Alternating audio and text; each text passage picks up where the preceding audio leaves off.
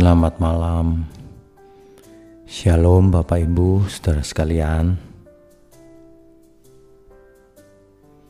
Ketika usia sudah mencapai lanjut di mana banyak masalah mulai timbul, masalah kesehatan, masalah keuangan, kesepian, karena anak-anak mulai besar dan punya kegiatannya sendiri. Hari itu, saudara, jangan lupa bahwa Tuhan selalu menyertai kita di dalam segala keadaan, baik suka maupun duka Jangan saudara merasa kesepian. Sebab roh kudus selalu menyertai kita. Baik saat kita sadari atau tidak kita sadari. Meskipun kita tidak bisa melihatnya. Tetapi percayalah, Tuhan menyertai kita Nabi Yesaya mengatakan menulis atau mencatat firman ini.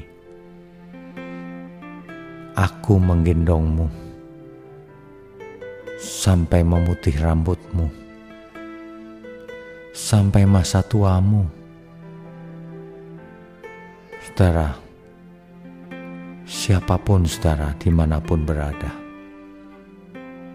jika saudara merasa kesepian, ingatlah Tuhan selalu memperhatikan kita, mengasihi kita, bahkan rohnya menyertai kita. Hidup ini memang tragis, saudara. Dahulu kita punya banyak teman, tetapi ketika usia kita bertambah lalu lanjut, teman-teman pun mulai berkurang Sebagian sudah menutup mata, mendahului kita semua.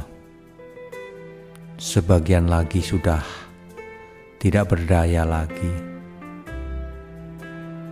Ada yang masih sehat kuat tapi menjauh. Macam-macam, saudara.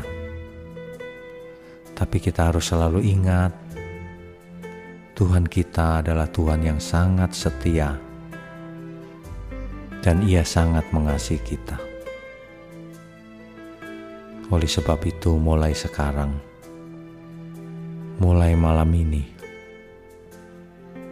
kita harus menghayati kehadiran Tuhan di dalam hidup kita. Begitu ya, saudara. Ada banyak orang merasa kesepian dan tidak sadar bahwa ada roh Allah bersama kita. Malam ini saya mengajak kita semua untuk selalu sadar bahwa Roh Kudus ada bersama kita. Saudara tidurlah dengan nyenyak. Tuhan mengasihi saudara sekalian. Amin.